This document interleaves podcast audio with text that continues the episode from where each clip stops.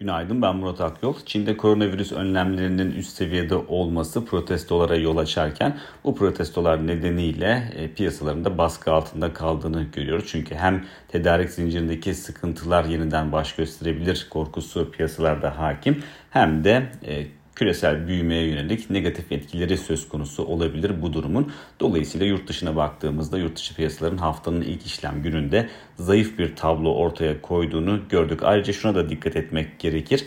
E, yılın başından bu yana geçen süre zarfına baktığımızda volatilitenin düştüğü dönemlerde hisse senetlerinin yurt dışında zayıf bir performans sergilediğini görüyoruz. Mevcut durumu değerlendirdiğimizde de volatilite e, belki yıl içindeki en düşük seviyelerde değil ama en düşük seviyelere yakın seyrediyor. Dolayısıyla bu da aslında endekslerin e, geri dönüş yapabileceğine yönelik bir sinyal olarak da değerlendirilebilir. Özellikle de Çin'deki e, bu protestoların artması, devam etmesi önümüzdeki günlerde risk iştahını daraltan bir unsur olarak çalışabilir.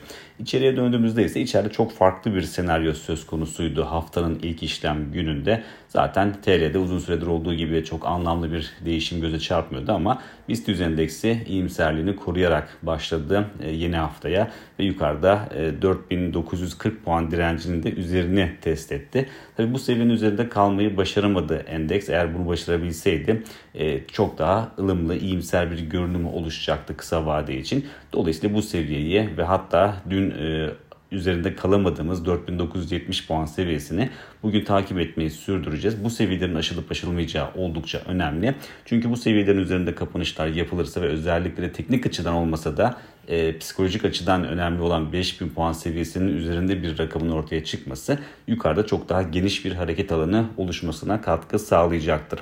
Ee, yeni güne baktığımızda ise yeni günde aslında gündem oldukça sakin görünüyor. Yurt içinde TÜİK Ekim ayı dış ticaret istatistiklerini ve Kasım ayı ekonomik güven endeksini yayınlayacak. Yurt dışına baktığımızda ise hem Amerika'da hem de Euro bölgesinde tüketici güven endeksleri açıklanacak. Ayrıca NATO Dışişleri Bakanları da bugün Romanya'da iki günlük bir toplantı için bir araya gelecekler. Bir sonraki podcast'te görüşmek üzere.